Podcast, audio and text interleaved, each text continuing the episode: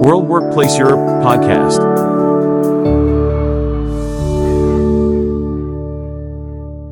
Alright. Um, nou, vraag aan jullie om je even kort voor te stellen. Corinna. Ja, Corinna van Diepen, uh, partner bij uh, Twijnstra Gudde, adviespraktijk uh, van Facility Management en eigenlijk al 25 jaar in het vak actief.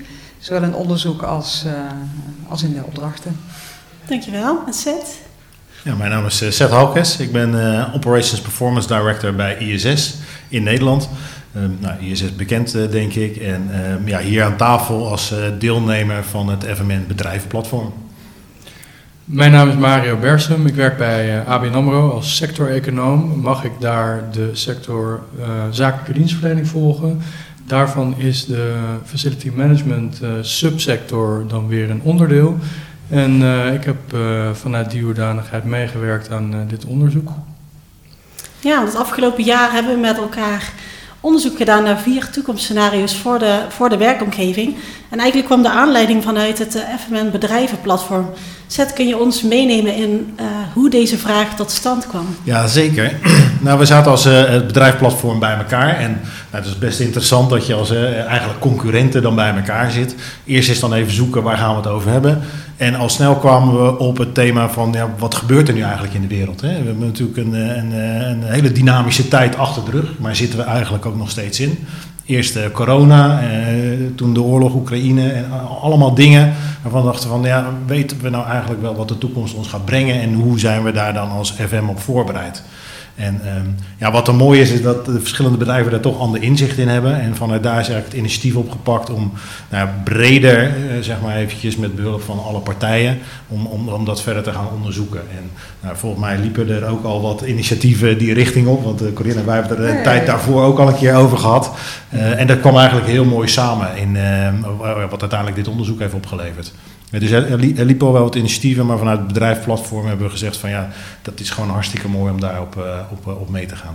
Ja, en uh, vandaag is natuurlijk een mooi moment, want uh, officiële ja.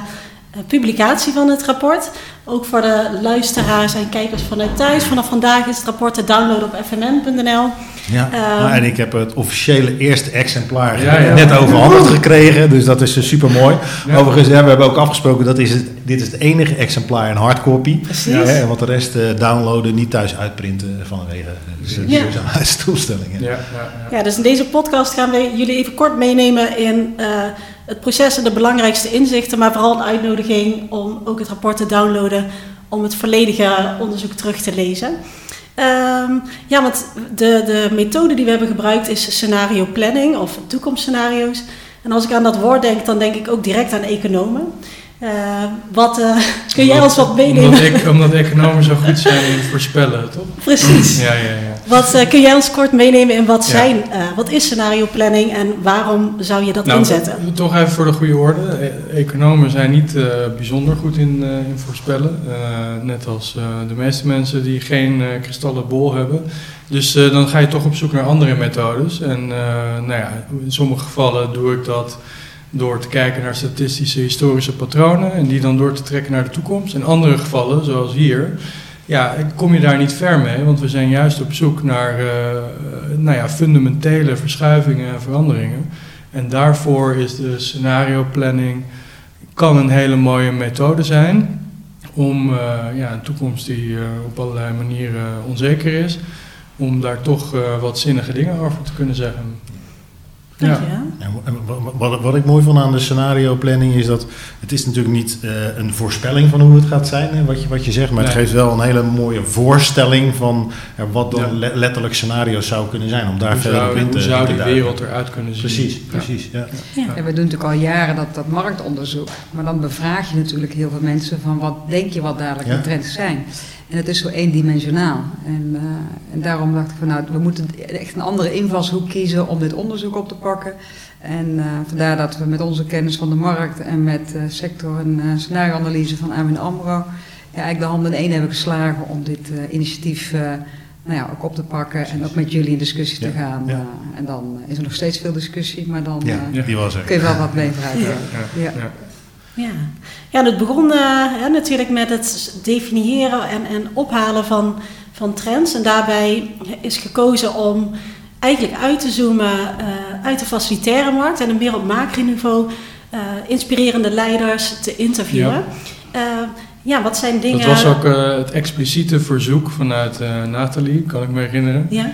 Dat ze zei van, nou ja, laten we nou niet alleen maar met facility managers gaan praten, maar laten we ook praten met mensen die geopolitiek en met mensen die economisch en technologisch. En dat hebben we gedaan. En kun je een voorbeeld noemen van een, van een trend die uh, echt op macroniveau uh, in het rapport voorkomt en invloed heeft op FM? Nou ja, dan, dan ben ik toch uh, als eerste geneigd te denken aan de geopolitieke dimensie, die door mijn collega Han Mesters altijd wordt benadrukt ook. En nou ja, daar hebben we dus gekozen om het zogenaamde deglobalisatie scenario, perspectief serieus te nemen. Dus we, we leven in, een wereld die alsmaar meer handel met elkaar is gaan drijven, alsmaar meer financieel en op andere manieren geïntegreerd was, alsmaar meer arbeidsmobiliteit. Maar we kunnen ons ook een wereld voorstellen waarin dat minder wordt. Sterker nog, we denken daar al de eerste aanzet voor te zien op bepaalde punten. Amerika en China, die met elkaar in conflict zijn, in, in, in een handelsoorlog eigenlijk zijn verwikkeld.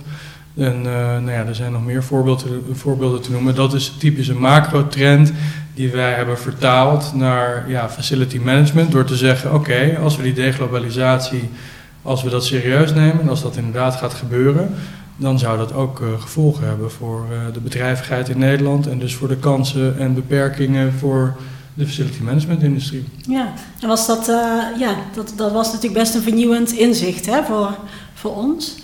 Nou, ik denk in, elk geval een hele andere benadering. Want uh, nou, ik herinner wat je zei, binnen de FM-wereld kijken we vaak van wat we zien en wat we weten. En dat herhalen we dan naar elkaar. Ik heb het een beetje negatief geformuleerd, maar dat, dat zie je wel vaak.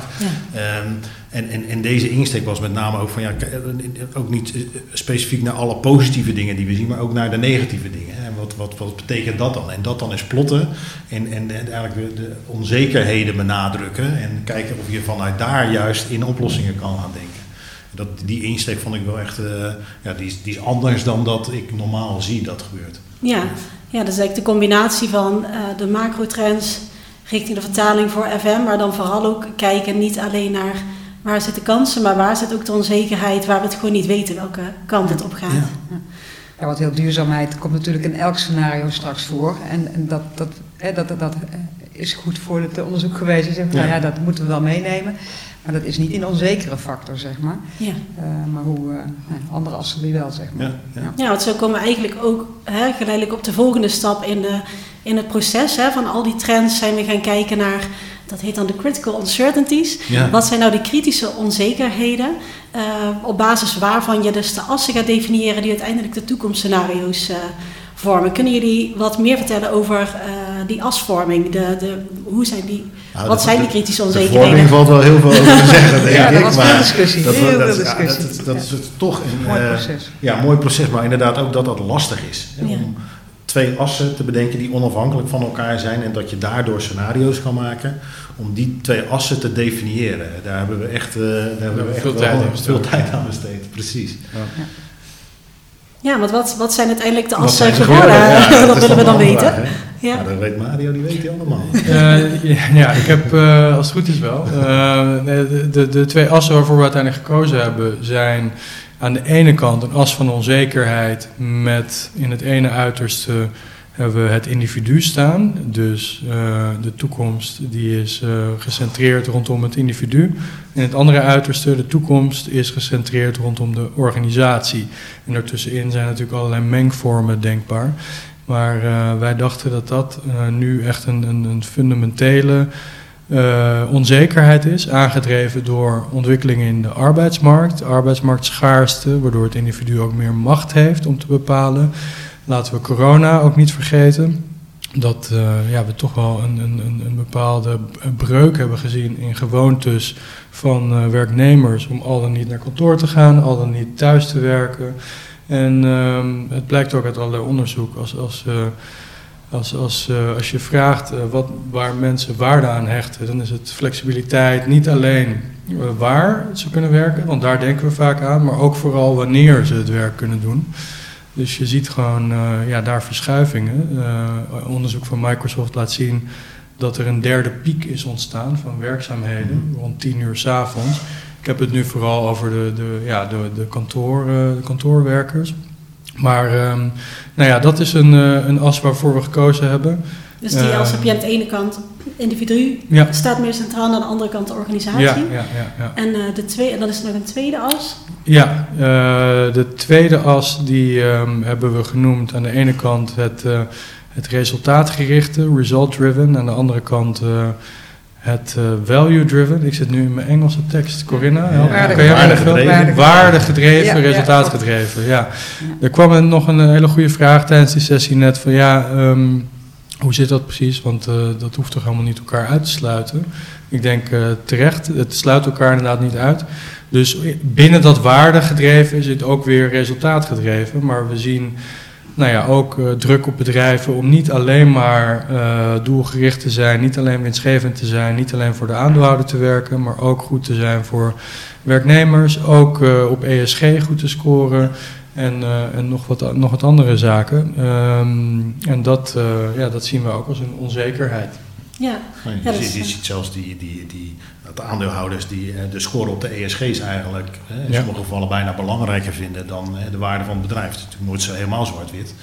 Maar het is dat value-driven, dat, dat, dat, dat, ja, dat, dat is echt wel een duidelijke nou ja, indicator om te kijken van of we die kant, eh, of een van de scenario's of Ja. die kant op gaan. ja. ja, en de reden dat dat als is gekozen is omdat welke kant het ook opslaat, het heeft heel veel impact ook op je facilitaire dienstverlening. Eh, dus het kan eigenlijk, het kan Ja. ook beide kanten opgaan. Hè? Misschien dat Ja. het ook wel verschilt per organisatie of per sector. Nou ja, kijk, als je naar de vier scenario's kijkt, dan zou je eigenlijk kunnen zeggen dat er bijna vier verschillende businessmodellen staan. Van elk geval positionering van als, als FM-provider. Als je, als je eh, kwadrant rechtsonder pakt, ja, dan FM is een commodity. Ja, dan, dan als je een FM-provider bent die voor waardegedreven dienstverlening staat op sustainability, op, duur, op, op, op, op, mensgericht enzovoort. Ja, dan eh, als de ontwikkeling naar rechtsonder is, ja, dan, dan ga je daar niet zitten. Ja, dus de scenario's eh, bieden ook zeker voor providers een, nou ja, een goed beeld om eens even goed af te stemmen van joh, als dit nou de, de mogelijke toekomst is, ja, waar wil ik dan zitten en wat betekent dat dan voor mijn huidige dienstverlening en waar moet ik naartoe gaan evalueren? ja. ja, dus eigenlijk als je die twee assen combineert, dan kom je op vier scenario's. Waarbij jij net noemt, hè, FM is een commodity of FM als menukaart. Menukaart, precies. Er zit rechtsonder, dat is natuurlijk eh, voor de luisteraars betekent dat resultaatgedreven en organisatie georiënteerd. Die lijkt misschien het meest op wat we al kenden, kennen. Ja, misschien wel. Hè. Dat is een beetje, ligt een beetje in verlengde wat we nu veel zien zeg maar, bij de grote corporates. Zeg maar. Ja. Ja. En dan, eh, als je dan eh, naar linksonder verschuift, dan zit je in, nog steeds in resultaatgedreven, maar meer individu georiënteerd. Wat zijn kenmerken van dat scenario? Ehm, de kenmerk, dat, dat hebben we de, in, in het Engels de distributed teams genoemd. Ja. Ik eh, weet even niet meer hoe ze in het Nederlands heten. Volgens mij ook zo. Oké. Ja. Oké, maar ehm, Ja. dat is in ieder geval het scenario waarbij, kijk, grofweg kunnen we wel zeggen, en dit gaat mis voor degenen die de video zien, maar goed voor degenen die luisteren. Dus aan de linkerkant hebben we het individu centraal gesteld, aan de rechterkant van, eh, van het vierkant hebben we de organisatie centraal, aan de bovenkant zijn de scenario's die waardegedreven zijn en aan de onderkant zijn de scenario's die resultaatgedreven zijn. Dus eh, aangezien we aan de linkerkant zitten, weten we dat het individu centraal staat. Het individu bepaalt waar er wordt gewerkt. Dat zou in de regel betekenen niet op één centrale door de werkgever georganiseerde plek, maar meer thuis en meer op, eh, op, op flexibele, flexibele werkplekken. Nou, überhaupt wordt de hele workforce flexibeler. Dus eh, met verschillende contractvormen, ZZP'ers, eh, tijdelijke contracten. Dus dit is het, dit is het scenario waarbij ehm, FM voor een belangrijk deel de, eh, de, de werknemer moet gaan zoeken buiten het kantoor, zeg maar, of buiten de traditionele werkplek. En daarom denken we dat FM en IT hier, eh, ja, hier een eh, belangrijke, belangrijke partner zijn voor elkaar. Of dat FM nog meer zich moet gaan richten op IT-oplossingen dan in de andere scenario's.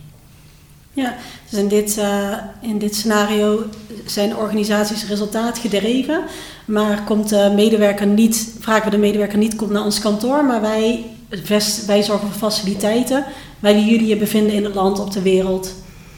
Ja, Ja, ja, hier ja. past natuurlijk ook heel goed de, de, de hubs die nu allemaal ontstaan. Hè? Dus ASML gaf net aan van wij gaan in eh, Den Bosch een hub eh, nu organiseren.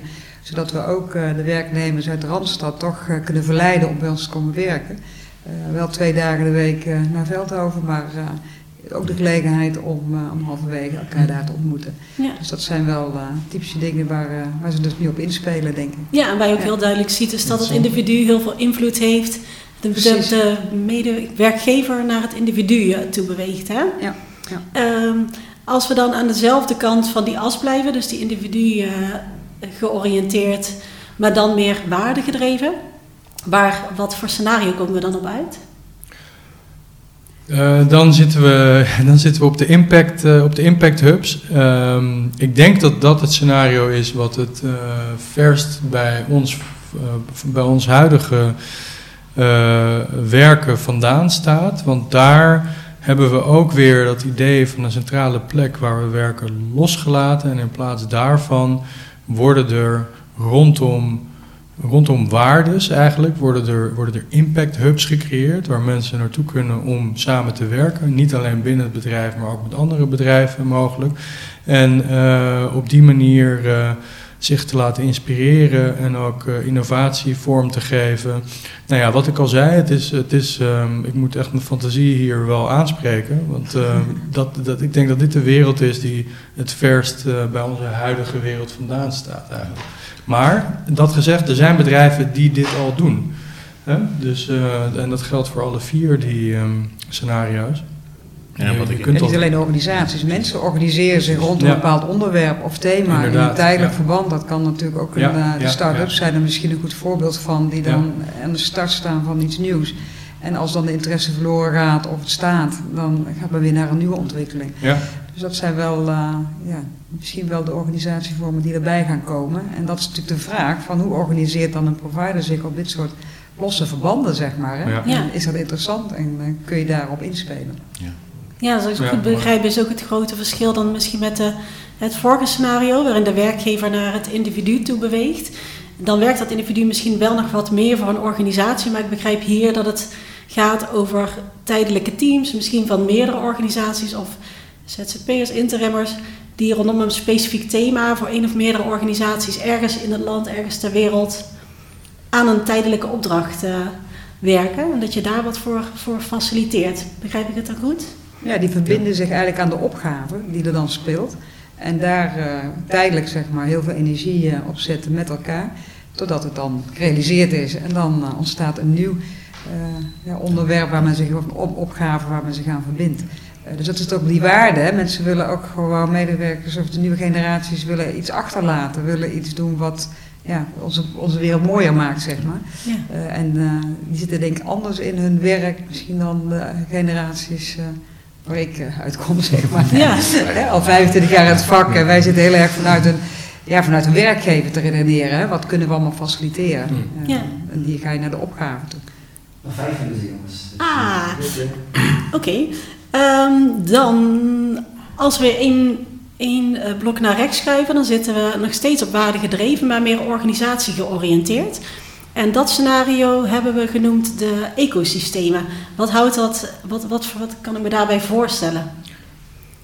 Ja, de ecosystemen. ehm, dat, eh, da- daarvan denk ik eh, dat we al eh, voorbeelden hebben gezien in de geschiedenis. Hier is de werkgever staat centraal, de organisatie staat centraal, is eh waardegedreven. Dus eh, bekommert zich niet alleen maar om de financiële resultaten, maar bijvoorbeeld ook om, eh, om, om, om eh, het welzijn van de werknemers. Die kunnen bij, eh, bij, bij dat bedrijf dan sporten. recreëren, misschien zelfs wel overnachten. Dus ik moet dan denken aan hoe Philips vroeger zorgde voor zijn werknemers. Hè. In Eindhoven hele wijken werden opgetuigd, sportverenigingen. Ehm, je, kon je, ja, je kon in feite je hele leven kon je doorbrengen binnen Ja. eh, de, de muren van, eh, van een Philips-omgeving. Ja, ik moet een beetje lachen. Dit is niet mijn favoriete scenario, zeg maar, van de Ja. vier. Maar ik denk wel een scenario wat eh, serieus te nemen is. Ook omdat je het natuurlijk nu bijvoorbeeld nog steeds ziet bij grote techbedrijven, de Googleplex. ehm, Dus eh, ja, het, ehm, het, eh, kan, het kan zeker. Wat, wat, wat, ik zelf wel interessant vind aan dit model is, hè, wat, je, wat je schetst inderdaad, we, we- zien bedrijven die het allemaal binnen hun eigen muren willen hebben. Terwijl ik ook wel zeg van ja, het goud ligt ook om de hoek. Als je nou met een groot kantoorpand zit en om de hoek zit een fitnessruimte een fitnessschool, ja, dan is het eigenlijk, hè, dat is ook ecosysteem. Hè, sluit dan een overeenkomst met die Ja. fitnessschool af in plaats van dat je alles binnen de muren. Ja. Ja. Dus het is wel meer samenwerking en gebruik maken van verschillende kennis en kunde en van zaken die er al zijn. Ja. Dat vind ik ook wel in het stukje waarde gedreven in dit, eh, Mhm. in dit kwadrant. Dat, je, je hoeft niet alles zelf te maken, hè, want er is al zoveel. Ja. Er zijn natuurlijk de campussen, zijn goede voorbeelden, maar je hebt ook de communities eh, eh, waar, eh, waar je inderdaad in de samenwerking Ja, en elkaar gebruikt, zeg maar, Ja, als ja. vele ondernemers. Ja. Ja, Ja, ja dus in dit, eh, in dit kwadrant is ook weer de organisatie meer aan de macht, als je het zo mag zeggen. En dat betekent dus dat, dat de organisatie ook bepaalt waar mensen werken. Het liefst medewerkers eh, op één plek eh, probeert te faciliteren. Begrijp ik dat dan goed? Ja, en, en, en, en, en ik, ik denk dat hier ook eh, dit scenario, wat je, eh, zeg maar, vorm hiervan veel ziet. Eh, en dat dit ook wel zeg maar, het scenario is waarvan eh, werkgevers moeten gaan wennen om eventueel naar de andere kant weer, waar we net zaten, op het meer individuele georiënteerde komen. Ja. Want het is ook wel lastig. Hè? Eh, Het merk van je organisatie is ook, hè, je, je, je- je werkplek is je merkplek, zeggen we wel eens. Ja, dat ga je opgeven. Eh, Ja. eh, maar in dit, eh, het ecosysteemkwadrant zit, zit, zit dat zeker nog. Hè? Ga, ga je naar kantoor toe. En dat klopt. Ja. Ja, het is eigenlijk best wel spannend welke kant het allemaal op kan gaan. Want jullie schetsen hiermee ook wel vier hele uiterste scenario's. Tot slot ben ik natuurlijk ook nog benieuwd, wat heeft dat nou gebracht? En met name ook aan jou de vraag zetten, want jullie waren ook eigenlijk opdrachtgever en Ja. initiatiefnemer. Nou ja, ja, ja, mede, hè? dus eh, laten, we dat, laten we die groter maken dan het is. Nee, dat, dat, dat, dat klopt. Hè. Ja, wat hebben wij hier aan? Ehm, doordat het extreme scenario's zijn, eh, biedt het heel veel stof tot nadenken en met name heel veel stof om te bespreken. Eh, want eh, eh, natuurlijk denken we allemaal van joh, iedereen wil onafhankelijk van, de, van, van, van, van kantoor kunnen werken. En, alleen we zien af en toe ook wel wat tegendraadse bewegingen, eh, eh, waardegedreven organisaties. Nou, eh, dat zie je dat dat steeds belangrijker wordt, gelukkig. Eh, Maar goed, als het op de boordtafel komt dat dat extreem meer geld kost, dan wordt het weer wat lastiger. Dus en, en die gesprekken, die kunnen we met dit eh, onderzoek in de hand, eh, eh, hebben we gewoon iets moois om, om, om mee te beginnen. En, en dan te kijken van ja, maar waar zitten jullie nou eigenlijk? Ja. En waar denken jullie nou dat jullie naartoe gaan? En eh, eh, dat, dat samenvoegen met dan uiteindelijk hoe wij onze dienstverlening dan nou, moeten aanpassen of niet. Of, eh, dat, dat, dat is natuurlijk bijzonder interessant. Ja, En daar zitten heel veel elementen in. Hè. We, we hebben het nog niet benoemd. Het stukje technology, technologie. Ja, als de arbeidsmarkt zo krap is, dan natuurlijk kunnen we zoeken naar de mensen die dan wel beschikbaar zijn. Hoe kunnen we die het beste eh, bedienen? Hè? Hoe voelen zij zich het prettigste? Maar we moeten ook kijken van waar kunnen we dan technologie inzetten? ja, En, en, en die is ook nog wel. Hè? En we kunnen prima een receptie bemannen met een scherm. Of be- bemensen moet ik zeggen, sorry. Een receptie met een scherm. Maar ja, als jij heel hoog hospitality in je vaandel hebt staan Ja. als, als, als Dat dan, bedrijf, ja. vind je dat dan fijn? Ja. Dat zijn wel de discussies die we moeten voeren. ja. ja, dus je zegt enerzijds gebruiken jullie het en om, hè, want het, het is ook bedoeld als intern ehm, eh, methode om aan je strategie te werken, Absoluut, maar ook heel ja. fijn om gewoon met klanten erover in gesprek te gaan. Ook om voor hen inzicht te krijgen in nee, voor, ja, waar sta je en waar wil je Kijk, naartoe. wij, wij, wij moeten niet intern over onze strategie alleen hebben, zonder dat met Ja. onze klanten. Dus dat gaat, dat gaat hand in hand. Dat Ja. is eh, absoluut waar. Ja. Ja. Nou, volgens mij kunnen we hier nog heel lang over doorpraten, maar het is ook de bedoeling dat we weer gaan eh, afronden. Ehm, het hele rapport is te downloaden op fmn.nl. In het rapport lees je niet alleen de eh, assen, de scenario's en de trends, maar geven we ook nog tips over hoe je deze scenario's kunt inzetten voor de strategie van je organisaties. Onder andere door markers te signaleren en strategische opti- opties te formuleren. Ehm, ja, volgens mij was het dat. Ja, Jullie nog toevoegingen?